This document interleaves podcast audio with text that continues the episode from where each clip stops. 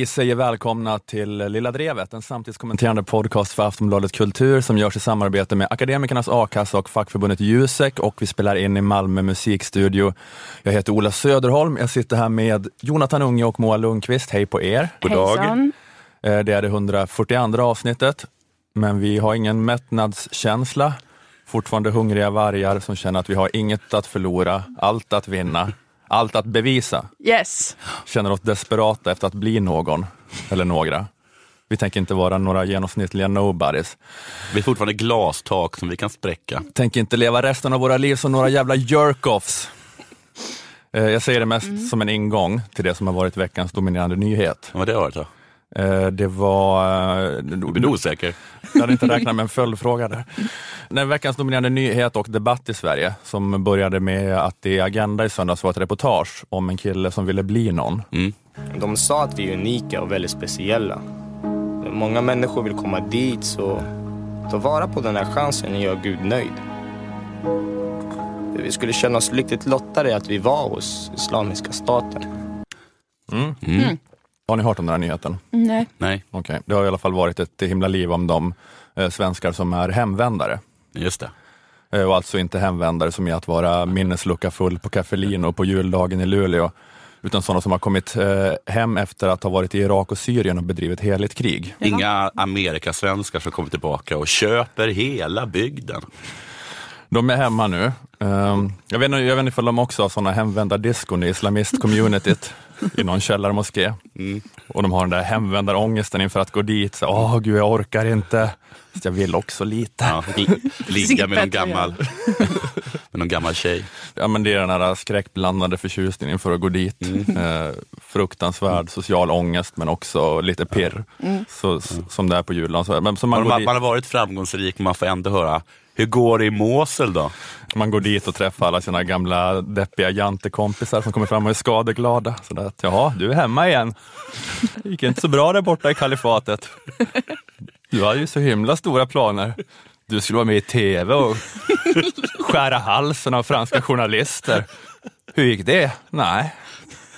Nej, själva bedriver vi kampen här med att gå runt i centrum och skrika hora åt tjejer som visar luggen. Men det är väl inte fint nog för dig, Mr Kalifatet. Hoppas vi inte tråkar ut dig, du är ju van vid Mosul nu. Storstan. Sen så plötsligt bara trycker de upp honom mot väggen, så här, du är fortfarande lilla bög-Malik. Säg det, säg det, jag är bög-Malik. Du har inte förändrats ett dugg. Det är en stark sketch och eller film som jag hör just nu. Du är så cool för du har skjutit på kurder från håll. Nej, nej, fint ska det vara. Nej, men det var ett reportage i Agenda apropå att eh, 300 personer från Sverige eh, har åkt för att kriga med Islamiska staten. Mm. Och 150 av dem har kommit hem, eh, är hemvändare då. I Agenda intervjuades en av dem som eh, kallades Malik. Eh, Han var anonymiserad alltså. Men han pratade om att han åkte dit men ångrar sig idag för att han blev chockad när han kom dit och fick reda på vad det verkligen eh, handlade om. Enligt Islam ska man hjälpa sina bröder och systrar som lider. Och när jag såg att eh, till och med de var inne på det, att de pratar om att verkligen resa och hjälpa människorna i Syrien, då kände jag att det här är rätt. Det var en romantisk bild man hade och en förenkling av situationen. Hade det undgått dig att det är en dödssekt? Det blev verkligen verkligt då, när jag var där. Och därav chocken. Innan var det teoretiskt prat och filmer. Men nu skulle de här killarna in i den där bussen och sen vidare in till Irak för att spränga sig själva och andra. Ja, Aj, aj, vilken tung. Det är som man kommer till sån där, det är en Sunwing Resort. ja. Så inser man att det var en väldigt liten pool.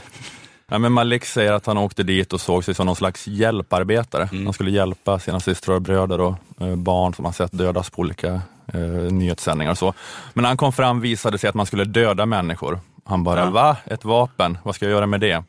Och han påstår att han aldrig rörde vapnet utan han hittade på någon ursäkt eh, för att åka därifrån. Och det, jag vet inte, det känns ju som att det är ganska lite falsk marknadsföring när det gäller IS. Ja. Har jag känt. Ja, alltså man- jag tycker det var väldigt på det klara just Väldigt med att, hands-on. men Ja. just det att de skär halsen av folk i tv. Tycker man det. Ja, alltså, De skulle kunna peka på det om han vill få pengarna tillbaka. Ja, Precis som att Sunwing Resort skulle kunna peka på att poolstorleken står faktiskt i och för sig finstilt. Mm. Ja, men det är exakt att, eh, att om Malik vill reklamera sin IS-resa Ja. så, att, så känns det som att eh, IS kan peka på Ja. att det inte har varit falsk marknadsföring. Och den kommer upp i Europeiska skiljedomstolen. Ja, men om verksamheten var som den var för Malik när han kom dit, tycker jag att det Mm. lät ganska exakt så som IS har kommunicerat den. Ja, jag tror för inte- alla som inte har varit medvetslösa och legat i koma de senaste åren har uppfattat det exakt så som han beskrev Ja, det. det kommer inte bli ett plusprogram där de slänger, En broschyr. de slänger en broschyr av IS i lådan. Det kommer det inte bli. Nej, nej men lite svårt att förstå det här att innan var det teoretiskt prat och filmer. Men de, är- de är inte superabstrakta de här filmerna. Nej. Jag har sett vissa av dem. Alltså om man tar den här filmen till exempel med svenska IS-krigare, producerad då som propaganda för den svenska eh, marknaden. Ni som är hemma i Sverige, skäms på er. Skäms på er. Kolla här, svenska terrorister. De ska ut och kriga. Döda människor. Slakta människor. Allahu akbar. Allahu akbar. Vad är det med det här Slakta människor. som kan missförstås så till den milda grad att man åker ner och blir chockad när det visar sig att det inte var Röda Korset? Ja. Eh, Det jag försöker antyda är att eh, Malik eh, är en lögnare och att jag inte tycker jättesynd om honom. Eh, han tycker dock lite synd om sig själv, bland annat för att han inte fick prata med någon när han kom hem. Okej. Det är mycket det som är vinkeln på det här agendainslaget, att det inte är någon eh, avprogrammeringsverksamhet för nej. hemvändande IS-krigare. Fanns det någon du kunde prata med då, när du kom hem? Nej, det fanns ingen. Och det skulle behövas faktiskt. Man behöver någon att kunna öppna sitt eh, hjärta med och berätta vad man har sett och Ja, jag har delvis kanske en känslomässig reaktion som är hur fan har Malik mage att lipa om att han inte fått terapihjälp? Du ska bara tacka Gud för att du lever i syltryggarnas Sverige och inte i ett riktigt land som hade avrättat dig för landsförräderi direkt du satte din fot hemma igen. Eh, Men sen fattar jag också det att man kan inte bara döda alla. Nej, det går Nej, inte. just det. Och det kanske är så liksom att de liberalerna får tala av sig som inte blir så farliga här hemma. Nej, Om jag tänker lite vänster nu. om man, också, man måste ju kanske tänka lite högre också. Då kan jag ändå tänka att, jag tycker inte man ska döda dem, men är det inte lite konstigt att inte fler hamnar i fängelse? Ja, finns det något brott? Är det ett brott? Det är väl ett brott nu? Det inte? borde inte räcka som brott att ha gått med i IS eh, och åkt dit. Eh, Sen har jag förstått att det är lite svårt, eller att det ges ett svårt bevisläge. Vad har du gjort där? Vad var det för slags resa? Och bla bla bla. Att det kan, jag vet inte, det kanske kan bli någon sådär orättssäker amerikansk Guantanamo-situation ifall Men om de bara erkänner att de fängslar. där då? Ja, jag menar han har ju gjort det, Ja. så i det här fallet. Agenda har ju ens namn. Ja, men i alla fall, det, att det, det är svårt utav massa anledningar. Så man kanske också ska då behandla det som ett socialt problem med avhopparverksamhet och avprogrammering. Eh, alltså oavsett vad, eh, om man ser hemvändarna bara som ett fall för rättsväsendet, som ett högerspöke eller som ett socialt problem, som Bamse-vänstern, så är ju den nuvarande praxisen att de kommer hem och bara lämnas vind för våg svår Mm. att förstå. Mm, mer för att svara på frågan om situationen var ansvarig minister. Vem kan det vara? Alice Bah Kuhnke, demokratiminister, också eh, ansvarig för frågan om våldsbejakande extremism. Välkommen hit. Va? Inte hon kulturminister? Demokratiminister. Hon är Disneyklubben-minister. Ja. Förlåt, demokratiminister och har då... Det handlar om kultur, Disneyklubben Ja. och återvändande terrorister. Ja, exakt. Men det är bara Kunke, hon har högsta ansvaret. Eh, Men hon eh, ägnar rätt mycket av den här intervjun åt att skylla ifrån sig på kommunerna. Att de inte har förstått att, de, att ansvaret ligger hos, på det kommunala självstyret. Du pratade om det Jonathan för ett tag sedan, bristen på handlingsplaner i kommuner i Västmanland Just det. mot eh, våldsbejakande terrorism. Mm. Det här är ett nationellt problem då, Mm. att de inte har tagit fram någon riktigt stark handlingsplan på många ställen. Hallstahammar har inte lyckats skaka fram någon sån. Nej, och kanske inte heller i andra delar av landet också. Sorsele kanske inte har gjort Mm, det. nej. Kanske inte eh, Eksjö i Småland heller. Det vet jag inte, nu kan jag ju peka ut kommuner felaktigt. De kanske har Eksjö kanske har en helt vattentät återvändarplan. De har ett A-team med en, eh, en imam, en socialpsykolog. Svåpar in. Det, det vet vi inte. Men i alla fall, hon eh, skyller ifrån sig lite. Så, men hon är ju då ytterst ansvarig och har suttit över två år och då har, har den här tidningen inte lyckats få kommunerna att förstå. De har rest till en av jordens värsta terrororganisationer. De kommer hem till vår, vårt land och de släpps uppenbarligen vind för våg mer eller mindre. Om det ser ut så, är det, är, borde det fungera så att det är kommunerna då som har hand om det? Ja, som det ser ut idag finns det ju kommuner där det fungerar väldigt väl. Umeå, eh, Göteborg, i vissa delar i Hur många har avradikaliserats där? Ja, tyvärr så finns det inga aggregerade uppgifter. Varför, hur vet du då att det fungerar väldigt väl när det gäller just de här personerna? Jo, vi har ju exempel från de här, alltså vi har ungefär fem, sex kommuner där det fungerar väl. Men det finns ju otroligt många fler kommuner i vårt land. Men om du, då, hur, hur många, om du har exempel så att säga, hur många har då mötts av några sådana här avhopparprogram, avradikaliseringsprogram i Göteborg eller Umeå? Ja, alldeles för få. Och vi behöver göra mycket mer. Men och där- vet du hur många i de här kommunerna som du själv tar upp som, som bra Ja, exempel? ja, det handlar ju om 10, 20, 30-tal personer som vi vet på olika sätt har varit i kontakt med sina kommuner och tagit del av individuella handlingsplaner som socialtjänsten arbetar med. Men de har det gått bra för i alla fall. 10, 20, 30. Ja, ja, det visst kändes det inte alls svävande utan det kändes så här, äh, verkligen förtroendeingivande och stensäkert. De sa 10, 20, 30-tal personer. Hur många kom på festen? Ja. Ja, 10, 20, 30-tal. Jag behöver, jag behöver veta hur mycket groggvirke jag ska köpa. Ja, men köp för en 10. Ja, 20. exakt. Det, 30-tal.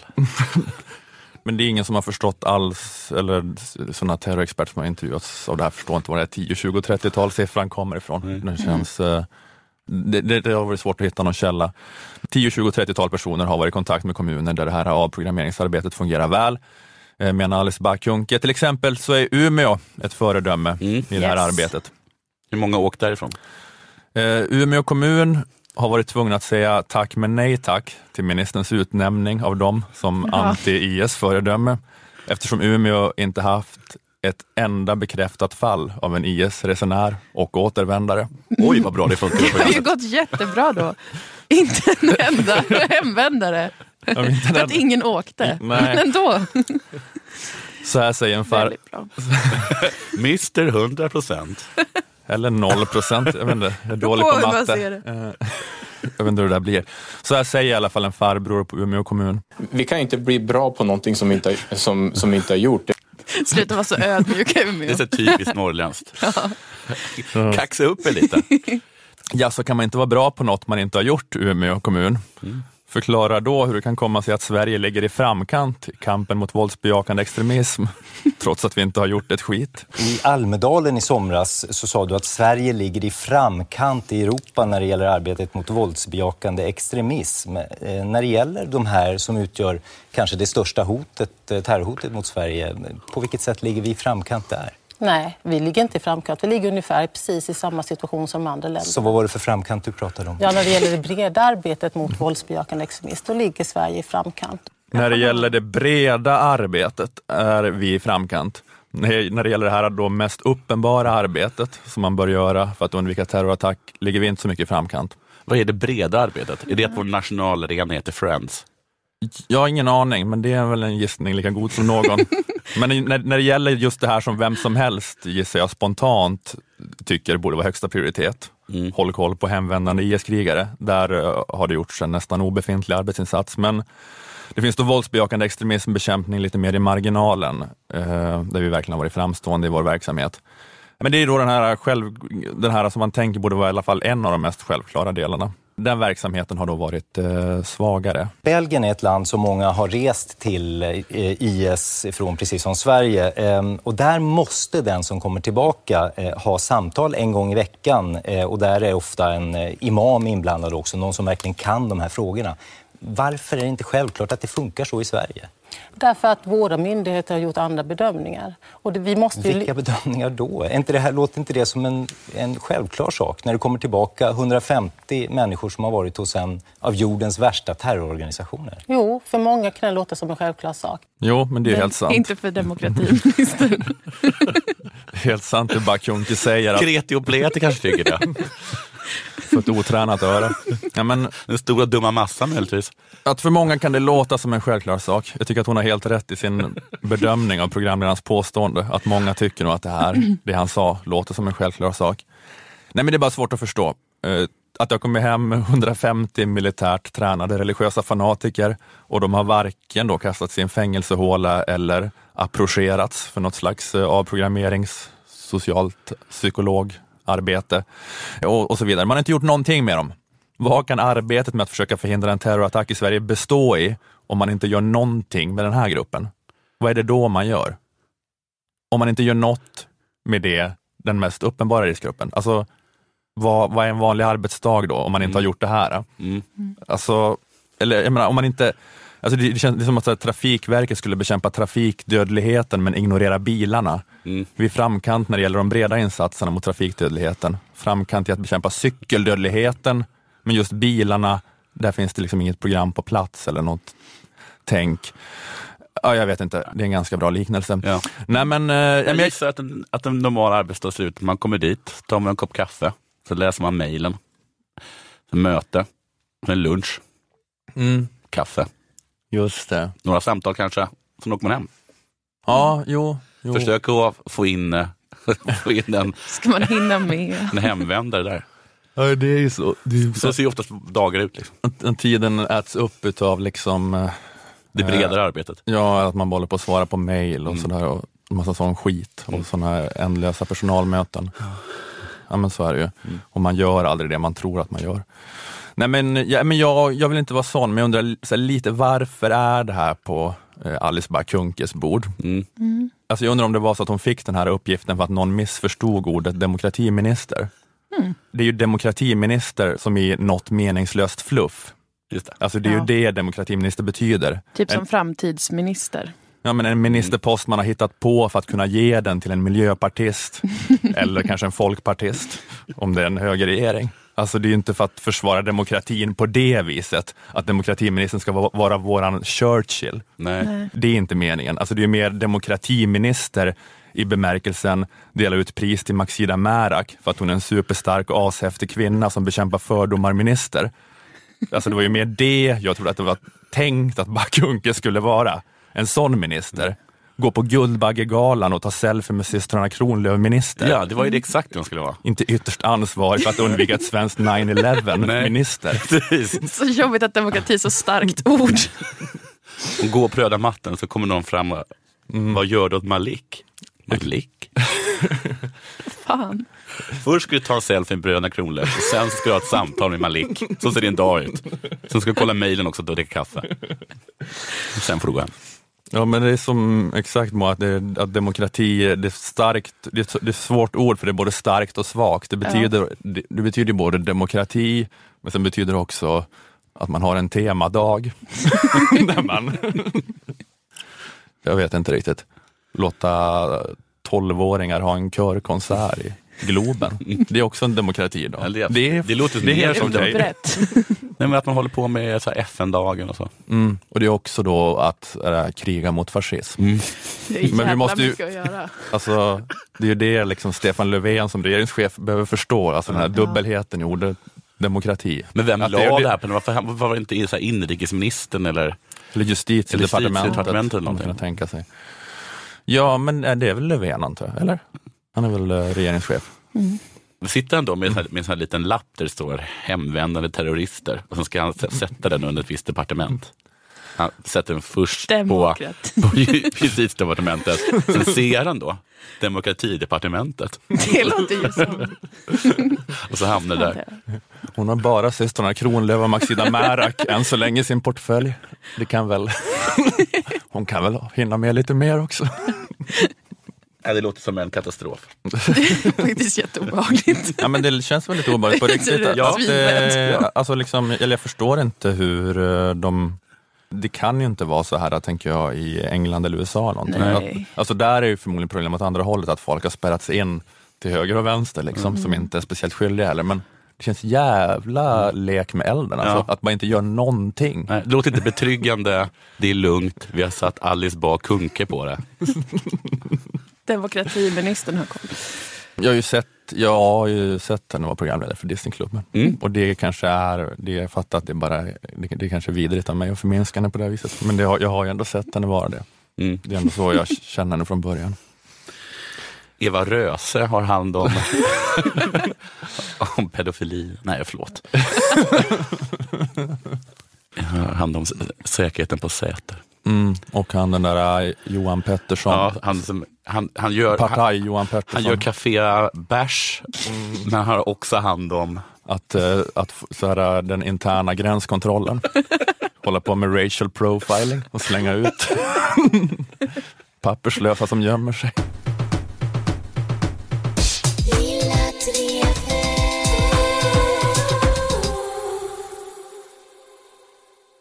Jag ska tala om det här. Linda tar upp den här får du se.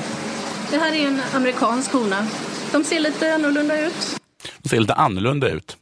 Framförallt så är det pannhornet som avslöjar att det är en amerikansk hona man har att göra med. Jag talar såklart om hummer. Den första amerikanska hummern i svenskt vatten fångades 2008. Okej, ny info för mig. Och sen dess har det, har de bara, har det bara blivit värre. Och med värre menar jag att det har blivit fler. Och nu varnar forskarna för att den på sikt kan, helt kan komma att konkurrera ut den inhemska europeiska hummern. Är de äckligare de amerikanska? Eller? Det kan du ge på att de är. Vad sa du? Jag undrade samma sak som Moa, varför det är ett problem. Varför det är ett problem? Ja, varför, man, eh, Problemet är- varför man inte bara kan låta darwinismen ha sin gång. Ja, precis. precis. Ja, vi kommer kanske till det, att det, man helt enkelt får, får göra det. Men framförallt så är det ju för att eh, ja, men det är väl samma sak som eh, LO, antar jag. Vadå?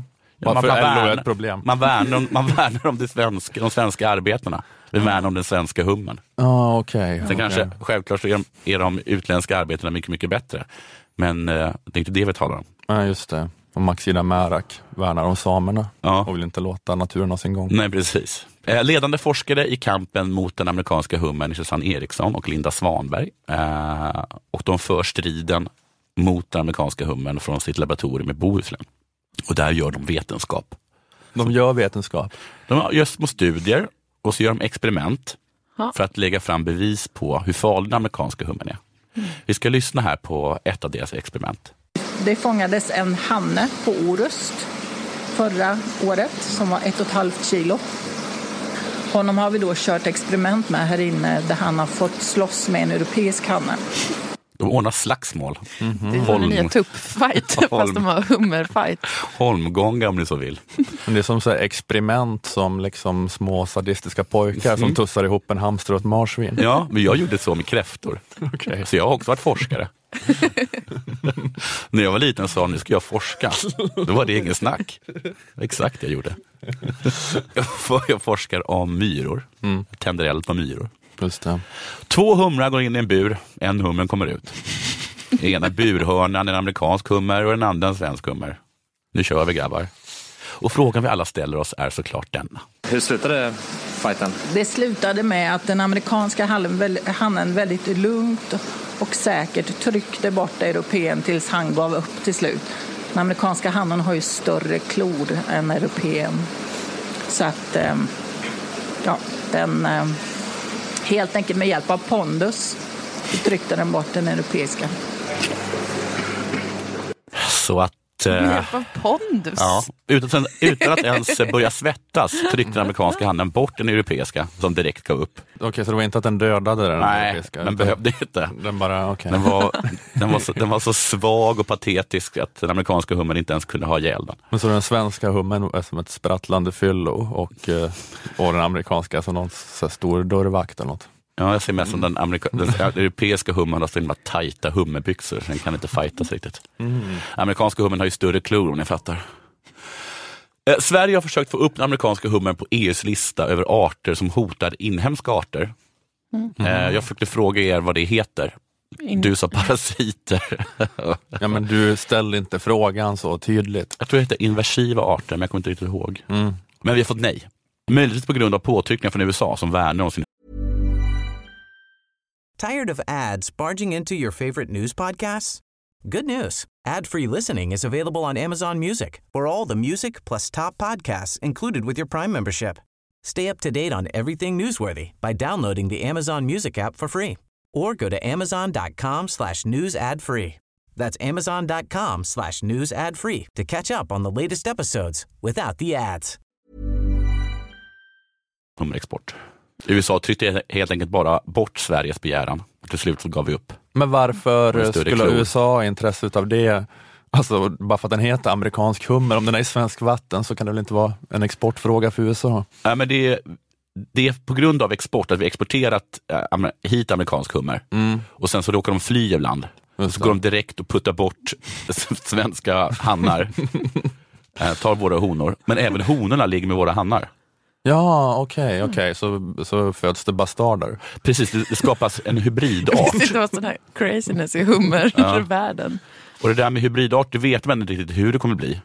Det kan bli så att, den, att de talar om att de får fel på stjärten, vilket gör att de inte kan simma ordentligt. Nämen. Men det kan ju också bli som Jack och Maggie Gyllenhaal. Det är helt fantastiskt.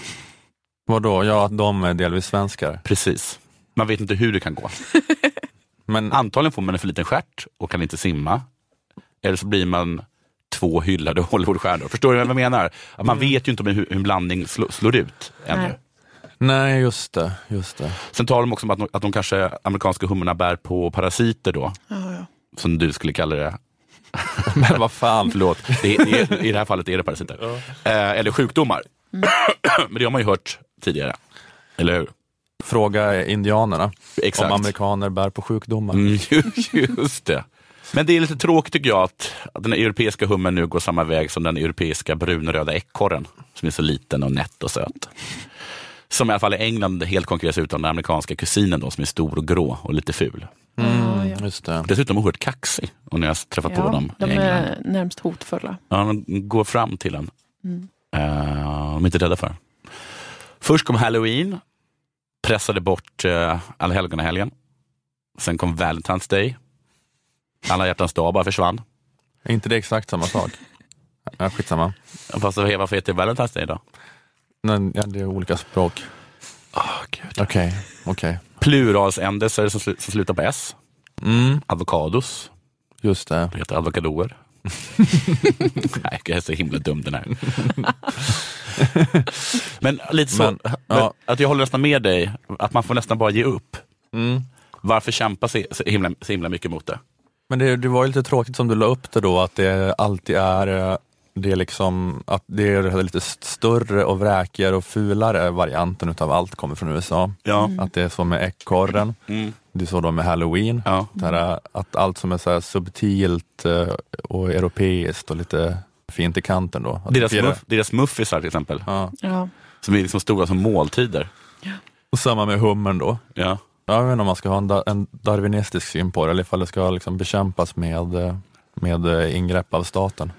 Det är verkligen, verkligen svårt. Är det värt att kämpa för den här äh, ryggradslösa europeiska hummerhannen? Jag vill veta hur god amerikansk hummer är. De frågade faktiskt en forskare om det Ja. och han gav det inte, inte tvetydiga svaret att, det, att det, det hänger på hur man tillagar dem. Jaha, okej. Jag tror kanske man är tvungen att, liksom att koka den amerikanska hungern, hummen längre eller någonting. I socker. Jag kan tänka, tänk Idaho-potatis mot eh, svensk eh, Färskpota- färskpotatis. Svensk färskpotatis behöver man ju bara liksom berätta för den att den ska kokas, Ja. så är den klar. Ja. Det får inte ske det här, ifall det är Nej. den skillnaden. För att Mm. det är ju verkligen, Men det kan jag tänka där mig. känner man ex- stark protektionism. Nu känner jag att jag vill gå ut på gatan som en fransk bonde och så spärra, liksom, spärra vägen för de här amerikanska hummerföretagen när de kommer med sina Ja. lastbilar. Norrmännen har ju satt amerikanerna på plats och förbjudit Såklart eh, amerikansk eh, hummerimport. Mm. Ja, det är hemskt. Ja. Jävla kulturimperialism. Ja. Och allt det här är EUs fel. Ah. Att vi, att vi kan inte sätta upp oss mot EU. Ja, just det. Jaha, det är därför Norge kan klara sig ur det. Ja. Man hade ju önskat att Ulf Dinkelspiel inte bara kämpar sig blodig för det här snuset, utan även hade den svenska hummen i åtanke. Mm. Men lätt och efterklok. Nu avslutar den här pratan. Det handlar inte om något. Det handlar om eh, råvaror. Eller handlar det inte om allt egentligen? Om livet, när man drog politiken. lite grann, när man drog lite i trådarna, när man nystade upp det, så var det liksom ett förstoringsglas som man kunde se på allt igenom. Att det var ett väldigt bra förstoringsglas. Ja. Jag har en tanke om de låter den europeiska hummen gå en till omgång mot den amerikanska hummen. Mm. Jag tror att den kommer göra en jävla comeback.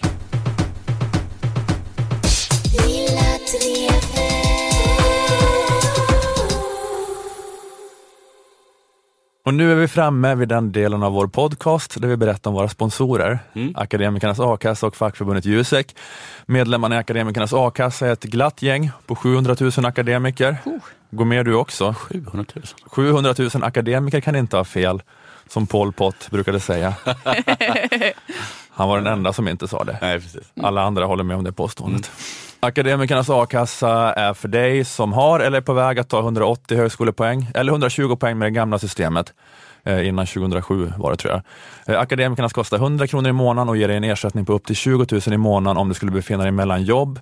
Eh, Det är bra för alla er arma stackare där ute i prekariatet som hoppar mellan anställningar. Och det är ju anställda vi oftast pratar om när det gäller a-kassan. Att det är sådana som är anställda eller letar anställning. Men vi kan också säga det att eh, akademikernas a-kassa är också för egenföretagare, för sådana som jag.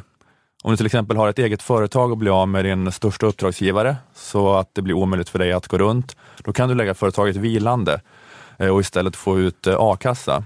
Och har du haft företag som en bisyssla vid sidan om en anställning kan du få a-kassa och samtidigt tillåtas fortsätta med företaget. Eh, exakt var gränsen går för företag som huvudsaklig sysselsättning och företag som bisyssla kan du läsa mer om på akademikernas.se. Men kan, tänkte bara kan nämna det en gång. Att Ja. det, vi brukar alltid ha den här anställningsvinkeln. Mm. Men det är superbra. Vi nämner egenföretagarvinkeln här en gång också. Nu är man nästan tvungen att vara egenföretagare, så som arbetsmarknaden ser ut. Just det. Många akademiker, till exempel ni som jobbar inom branscher som organiseras av Jusek, tjänar mer än a-kassetaket som är på 25 000 kronor och kan därför behöva en inkomstförsäkring eh, som är en av många, men kanske det främsta skälet till att gå med i Jusek.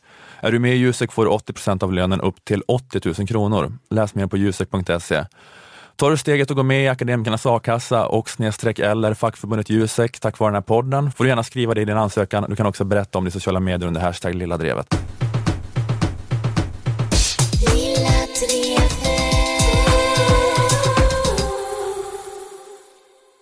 Uppmärksamheten från USA regnar ju över Sverige och Malmö. Mm. Malmö må vara en fattig stad, men rik på uppmärksamhet från Amerika Mm. på senaste tiden. Just det. Det har varit mycket med, med USA och de ser oss och så vidare. Och nu är det också så att den amerikanska pingströrelsen Assemblies of God ska Mm. ge ekonomiskt stöd till pingstkyrkan i Sverige för att man ska kunna etablera omkring 30 nya församlingar. Oj, det var många. Ja, och den första har precis startat. I vilken stad då? Malmö. Thanks bros. Redan innan man fick veta att Assemblies of God tänkte sponsra verksamheten så hade Pingstkyrkan en feeling för att satsa just på Malmö. Man har spånat, var ska man etablera sig och så vidare. Hur går man vidare? Plötsligt så stod det klart. Vi hade ju bönemöten, bönekvällar, bönehelger och, och på de där bönehelgerna så har det ofta då varit så att folk känner ja men jag ska, jag ska flytta till Etiopien eller jag ska flytta till Bulgarien eller till Thailand och varit alla möjliga eh, team vi har skickat ut.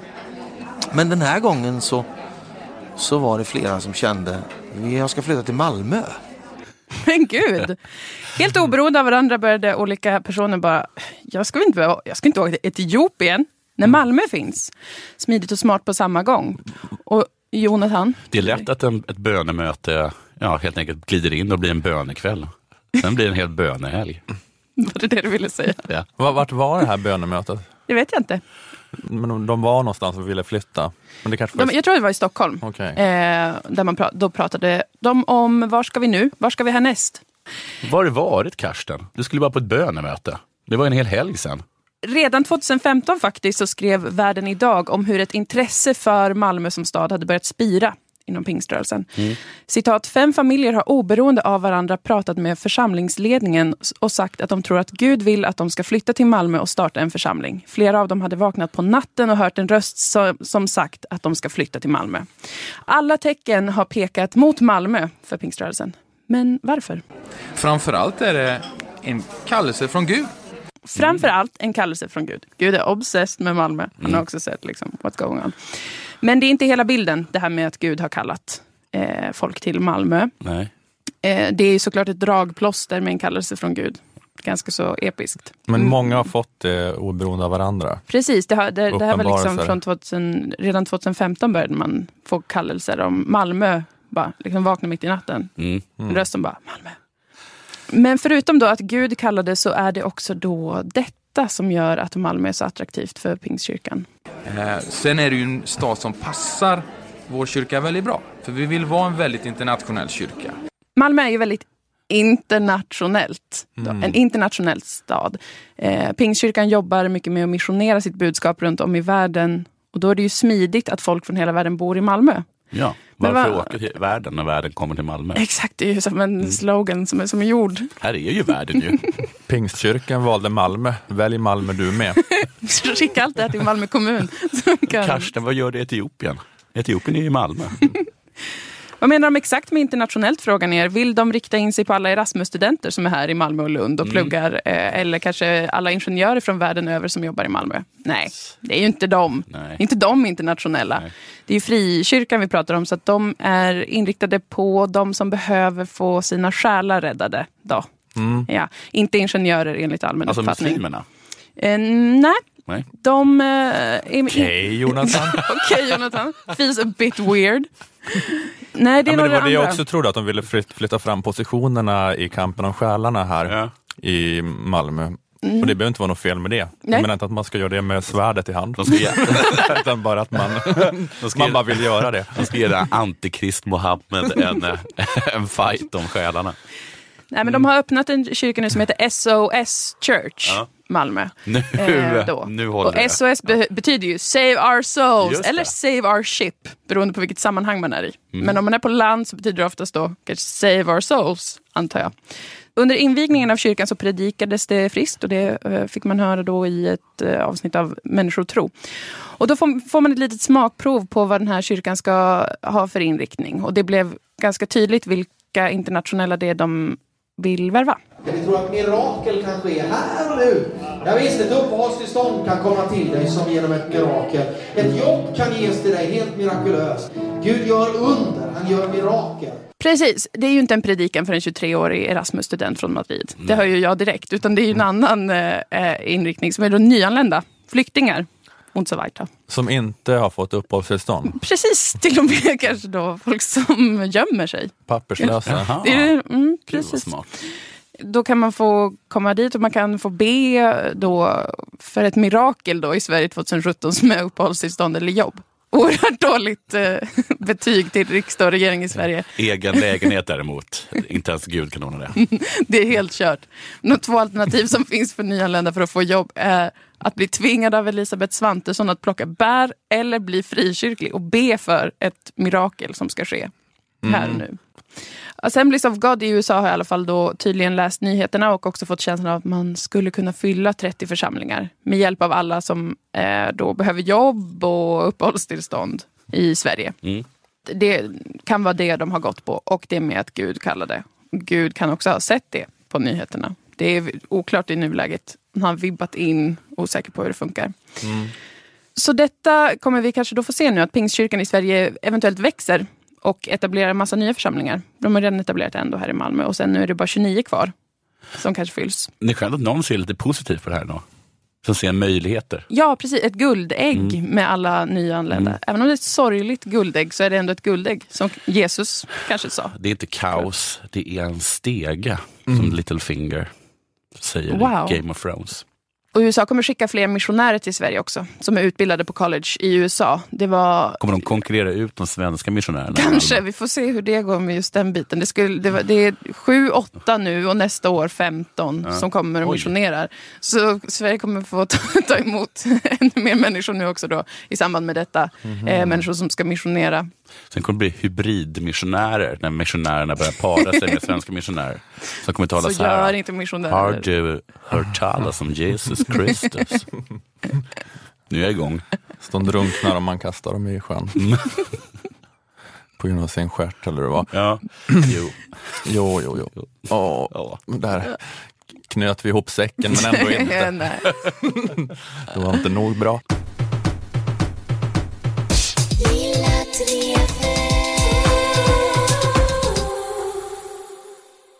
Jag märker att du suckar lite, Ola. Tycker Ja. att min, Oj, min prata var svag. Du himlar med ögonen och ser olycklig ut. Oroar dig för kvaliteten på det här, den här podden. Men jag kommer direkt revanschera mig.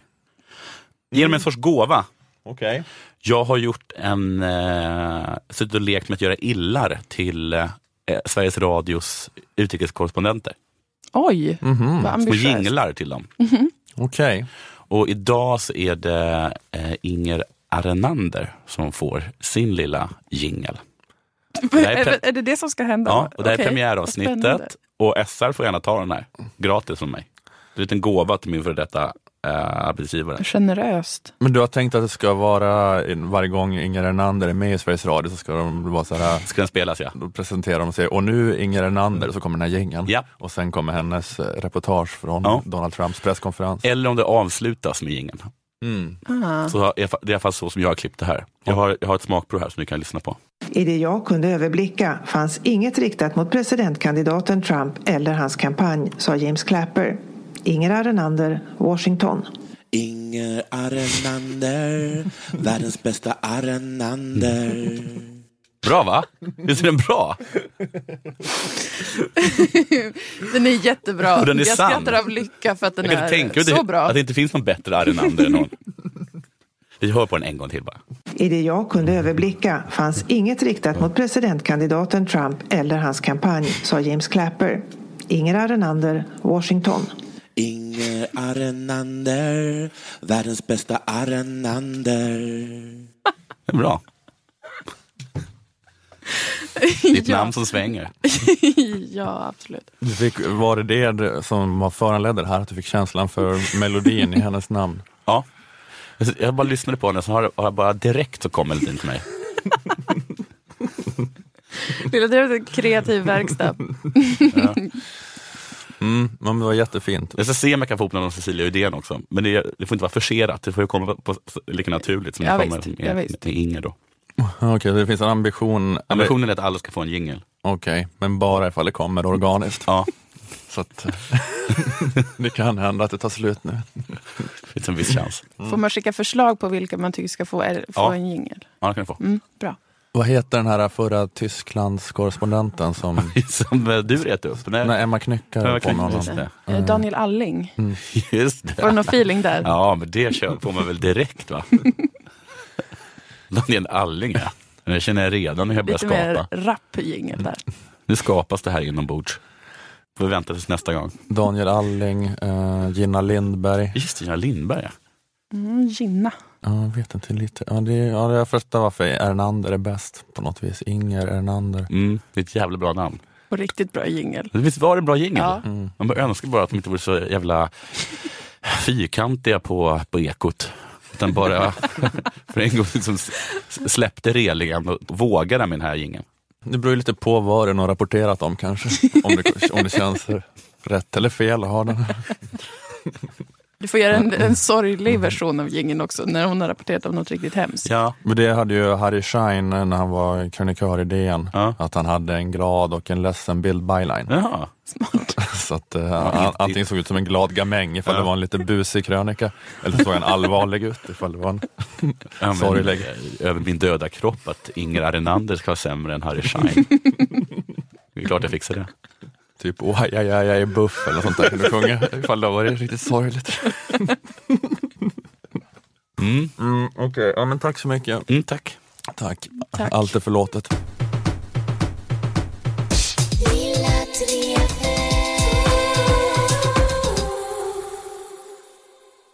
Du sålde slut väldigt snabbt biljetterna till eh, Lilla Drevet på Scalateatern. När är det? 10 maj. Just det. Och eh, vi ska vara med allihopa, Ja. och Liv också. Jag kan säga det att eh, jag ska hälsa er från Akademikernas a-kassa att de har ha- haffat några biljetter. Och det, om man går in på deras Instagram tror jag de håller på med någon tävling Mm. där man kan vinna biljetter. För man inte hann eh, köpa. Eh, Men det var ju, för det, det var sjukt hur jävla, det- jag tror förra veckans avsnitt han knappt komma ut. Förra veckans avsnitt där vi berättade att vi hade släppt biljetter, han inte komma ut innan de var slut. Eh, Så det var ju väldigt roligt. För du höll på att brå- har ju hållit på att bråka med oss Jonathan om att det var för lågt biljettpris. Ja, jag skrattade då till Beck. Vad, vad, vad, vad gick det på? 150, 180? Nej, jag tror vi landade på 165. Men då blev det ändå Så under- också 20 kronor i sån, någon sån där avgift som de tar. Så jag tror folk kan nog betala 185. Eh, Så jag... eh, Vi måste ju Under- ha någon koreografi eller någonting. Jag eller kände att musik, under eller? 300 var ett skämt. Ja, Vad, vad lever du i för värld? det kanske man underskattar hur mycket människor i Stockholm det finns som inte vet vad de ska göra med sina pengar. Nej, Just det, de tjänar så mycket Det är där. bara bra att de ger pengar på det här istället för att gå ut och köpa öl. för det är ju så, för det är ju sån himla skillnad här. I Malmö kan man inte få någon att betala för något. Nej. Vi var ju, jag och Liv och såg på vår jingelmakare Little Jinder. Jättebra konsert på KB, Eh, gå, gå och se på hennes turné om ni har möjlighet. Men, men hon pratade också om det att det var att det var, den är jätte, liksom, het den här turnén och slutsåld överallt, men det är bara problem i Malmö. Att folk är så här, bara, ska man betala bara för att gå in? Att det är så, eh, så att man, vi kanske med vårt perspektiv inte förstår Och det. stod och, stod och frågade, "Ja, men hur många öl ingår då? Dumma malmöiter. Men, men, jo, men det tänkte jag också med att vi måste öva in en koreografi, för, att, för det slog mig nu efter att vi hade sålt alla biljetterna, att jag hoppas att folk inte tror att det här är en show. alltså det är ju... Men det vore också jättekonstigt om de trodde det. Ja, men för det, var det... Att, de, att de trodde att, att det ska bli sångnummer eller någonting. Ja, men för det var det jag tänkte, att det var ändå rimligt att det inte kostade för mycket för att, att det är billigare än att gå och se Grotesco eller sånt där på Skala teatern, för att, eller gå och se någon stand-up show. För vi har ju inte övat, vi, det är inte något att vi har övat på små stand-up-klubbar i ett och ett halvt år och Nej. byggt en show, utan vi, det vi kommer göra är ju i princip veckans avsnitt. Ja. Förhoppningsvis kanske lite roligare det kanske händer något skoj, men det är ändå i praktiken det. Så jag vill bara ha det sagt. För sent säger jag det. Men ifall någon, ifall någon, ifall någon trodde något annat så ska jag försöka hjälpa er att vidareförmedla biljetterna.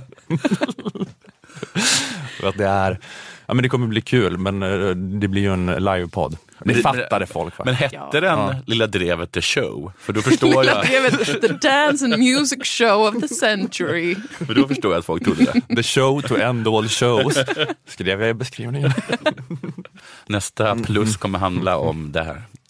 Ehm, Ja. men bra, Little Jinder alltså. Hon och jag är ju kollegor nu. I vad då? Vi gör jinglar. Ja, ja, ja, just det. Är det inte du som, ja men är det inte du som, så kommer, det, det kommer vår konversation vara. Första ni- gången vi träffas. Det var, eh, det var det. Är det någon som vill säga någonting? Ja, jag vill säga någonting.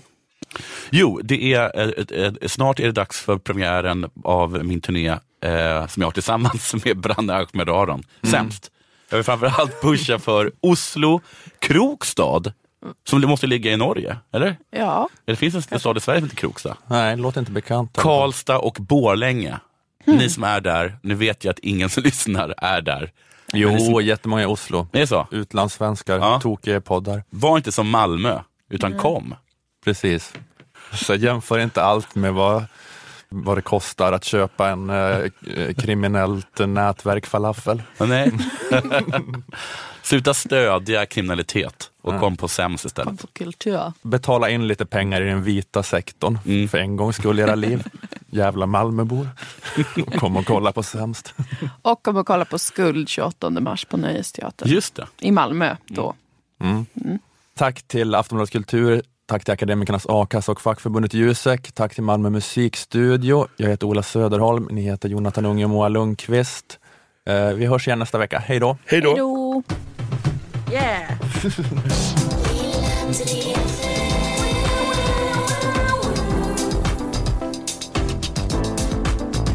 Mm. Improviserar du? Ska vi göra på Lilla Drevet jingelmelodin? Daniel Alling.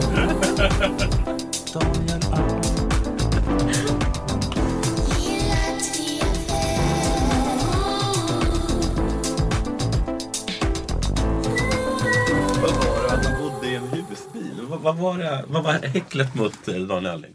Inger Arenander, Washington. Inger Arenander, världens bästa Arenander.